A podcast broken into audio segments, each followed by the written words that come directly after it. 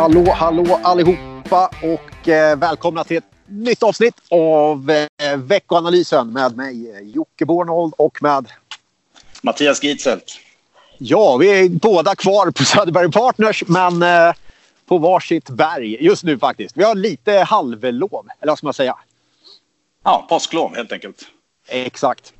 Eh, så ljudet, eh, det här är ett Skype-samtal som vi kör. Eh, så jag hoppas att det ska låta bra. Men eh, vi tänkte skicka ut en liten podd den här veckan ändå. Även om det är mycket och många som är lediga. Eh, så saknas det ju inte samtalsämnen. Eh, vi hade Oscar Properties uppe förra veckan och det gick ju som det gick med eh, till och med eh, så att det blev observationslistat eh, på Stockholmsbörsen eh, senare under veckan. Eh, efter att revisorn har, hade kommit med vissa frågetecken. Så att eh, fortsatt stormvarning kring Oscar Properties. Vi får se var det där landar.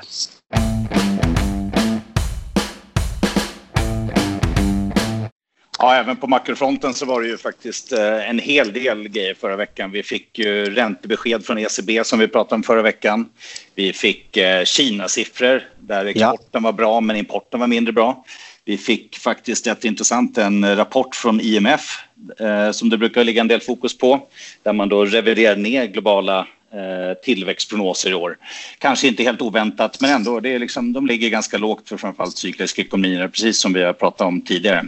Och sen var det ju självklart också fokus på eh, KPIF i Sverige, konsumentprisinflationen. Ja. Eh, hot or not, hur var inflationen egentligen? Ja, den är väl nått mest hela tiden, höll jag på att säga. Det har ju ja. återigen varit vikande inflationsförväntningar. KPIF och andra data har kommit in lägre än vad Riksbanken har förväntat sig och därför så var det också lite mer fokus på det nu då eftersom just det här KPIF som är då eh, inflation justerat för fasta räntekostnader. Det kommer ju då tidigare under året in lägre än förväntat vilket gör att gapet mot Riksbankens egna prognos har ökat. Däremot så är det ju så att vi utesluter ju inte helt en, en höjning till här under året. Att man då i september kanske höjer räntan en gång ändå. Eh, för det finns ja. ju även lite andra mått. Och eh, tittar vi faktiskt på KPIF den här gången så kom det in på 1,8 procent och det var ju i princip i linje med åtminstone marknadens förväntansbild. Sen är det ju så, det finns ju något som kallas för skingsflationen. Det är alltså vice ja. riksbankschef Cecilia Skingsley och, eh, som har det här måttet och det är ju ett slags snitt då av eh, flera olika inflationsmått som har och det har visat faktiskt en stigande trend under de senaste månaderna. Det ligger över 2% idag som är då Riksbankens mål för inflationen. Så jag skulle säga att det finns ändå en viss möjlighet att vi får en, eh, en till räntehöjning. Fast Från en väldigt lite, låg nivå. Är det inte lite skevt om man säger så här, vi tittar på det här, men när det, när det inte är nog bra, då tittar vi på det här också. Och det ser bra ut. är det inte en problematik att man byter siffror lite sådär? Absolut. Och jag menar, just inflation kan man ju mäta på hundra olika sätt. Vi har I USA finns det ju allt ifrån något som heter flyover CPI till det ena och andra och man kan få fram siffror mellan, mellan 1 och 6-7 procent. Men eh, ja. det är absolut underliggande inflation har stigit de senaste åren och eh, det är, eh, det är uppe vid nivåer där Riksbanken skulle ha agerat egentligen redan under ja. de senaste månaderna och kanske åren. Kan man tolka det så som att när man i normalfallet, när man har en inflation som är nära 2 målet i alla fall, att man då också borde ha normalränta eller en, en ligga på en ränta som är eh, eh, hjälp mig här, jag letar efter ordet. Normalränta, kan vi säga så? Ligger, Absolut, vi, ligger, vi, ligger, vi, ligger vi för lågt helt enkelt? Vi kan kalla det för jäm, jämviktsränta kanske. Jag tror. Ja, Men, det är väl ett eh, bättre ord. Det, det där är ju en eh, stor diskussion naturligtvis. Ehm, det finns ju många som vill ha ett lite flexibelt inflationsmål eller det finns de som, som i USA så har man ju ett, eh, ett dubbelt mål där man även tittar på sysselsättning och annat och det är ju väldigt svårt att säga vad man exakt ska ha. Jag tycker med tanke på hur konjunkturen utvecklingen har varit under de senaste åren så borde man ha ett mått som fångar in den här bättre och till exempel, jag tror vi har pratat om det, Riksbankens egna resursutnyttjandeindikator visar ju att vi har en ganska stram arbetsmarknad vilket gör att vi också borde eh, täcka upp för det med vår räntenivå. Ja. Eh, vi får se. Men alltså inte helt avskrivet att de höjer räntan i höst. Nej, och då pratar vi fortfarande minusränta så att det är inte ja. så att vi kommer upp till en hög nivå. Just det. Just det. Så man behöver inte, man behöver inte vara livrädd för bolånet. Absolut inte. Nej, Nej det låter vettigt. Eh, aktiemarknaden börjar ju eh, vakna lite till liv här. Eh, men riskindikatorn VIX, eh, som är, brukar tituleras skräckindex, den är ju på riktigt låga nivåer. Eh, ska man ta det som en varningssignal eller vad tycker du? Ja, det där är ju lite kärt barn har många namn. Det är skrämselindex, ja. skräckindex. Ja, det det mäter är ju helt enkelt på optionsmarknaden, prissättningen. Och det, det man kan säga är ju då att om det finns många som som köper skydd på optionsmarknaden så finns det en risk för, eller då ser man en risk för att eh, svängningarna kommer öka framöver, att, att helt enkelt marknaden ska falla. Just det. Det. Vi, det vi har tittat lite grann på i veckoanalysen är ju att vi ser att vi har kommit till en nivå i den här indikatorn som vi har haft till exempel i inledningen på år 2018. Och vi vet lite grann hur det gick. Det här med att det är låg volatilitet eller låg risk betyder i vår värld inte att risken är särskilt låg utan det är snarare så att nästa steg kanske blir någonting som är lite mer allvarligt. Och problemet är lite grann som vi ser också, det är inte bara det här VIX-index utan även om vi tittar på svängningar på oavsett om det är guldpriser eller valutor. Så det är väldigt låga svängningar och normalt så är det ja. risk att de ökar naturligtvis. Eh, och då är det naturligtvis vad, vad bör man då titta på? Vad kan vara nästa, nästa grej då som kan få svängningar att öka? Och det skulle till exempel kunna vara rapportsäsongen om den är sämre än väntat. Men det kan också vara naturligtvis andra händelser och oväntat utfall i Brexit eller i handelskonflikten. Just det. Eh, det känns som alla nu prisar in någonstans att Brexit förlängs ett halvår, att Kina ska lösa sig eh, och att eh, rapporterna kommer in ganska bra. Det finns ju förstås då möjlighet att någonting går snett och det bör man ha koll på. Och då, då, då har vi volatiliteten tillbaka. Vi får inte glömma att börsen är upp 20 i år så att naturligtvis med sämre makro och vinster som snarare justeras ner fortfarande. Så ska vi komma ihåg, värderingarna är höga och då är också marknaden mer känslig för negativa nyheter.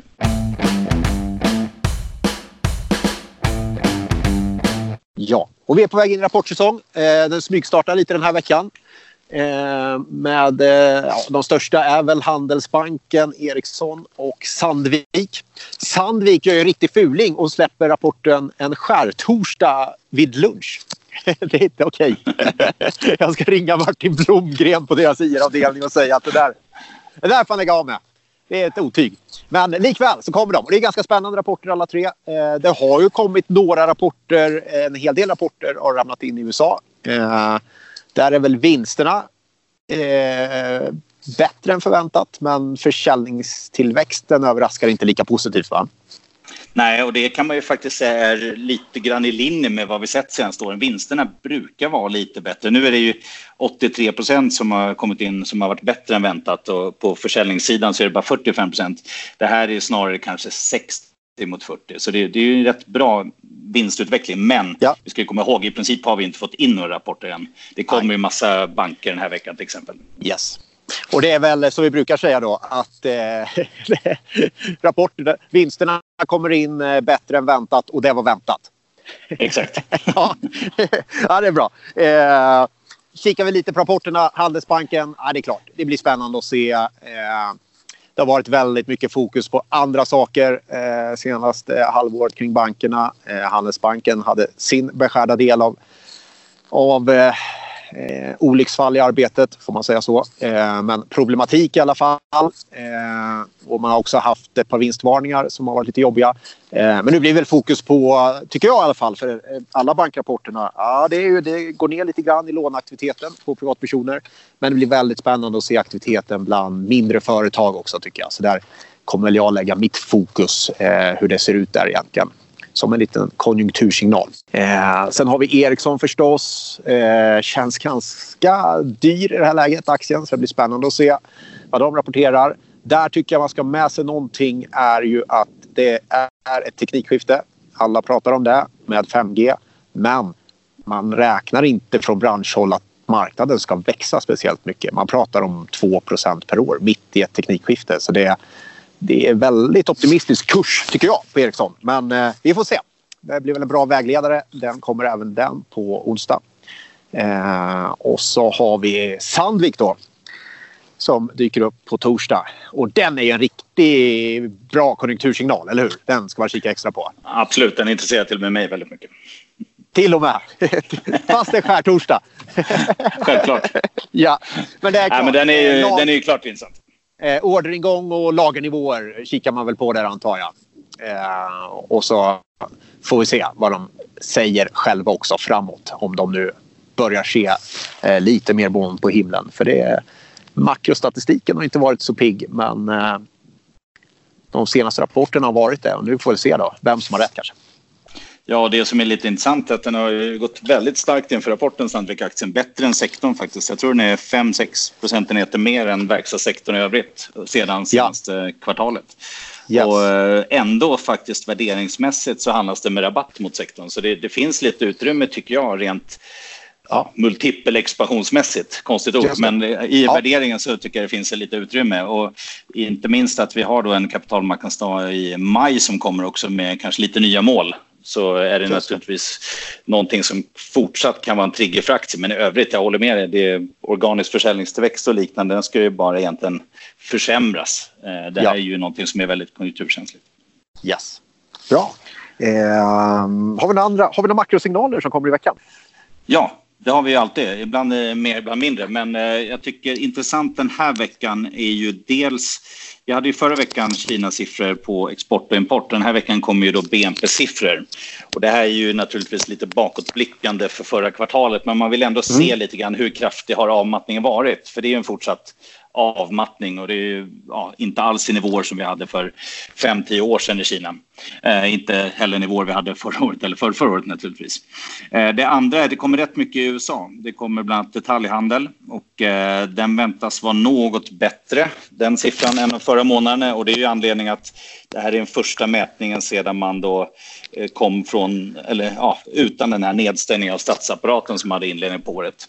Men sen är den också intressant för att vi hade ju faktiskt eh, ett svagare konsumentförtroende som vi har pratat om tidigare.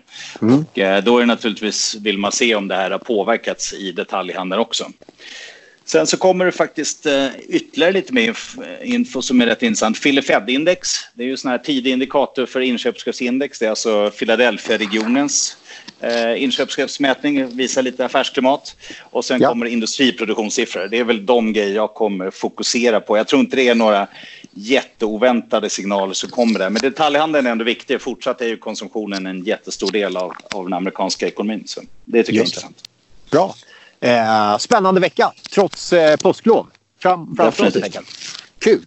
Eh, vad bra. Men jag tror vi nöjer oss här. Eller eh, har du någonting mer Mattias? Ja, men rätt nöjd där. Jag tycker bra. vi båda drar ut i skidbacken igen. Ja, det gör vi. Riktigt gott. Då hoppar vi, hoppar vi det här och kör lite skidor istället. Hoppas ni som lyssnar också får komma ut i solen lite grann. Så, uh, så hörs vi nästa vecka helt enkelt. Ha det gott!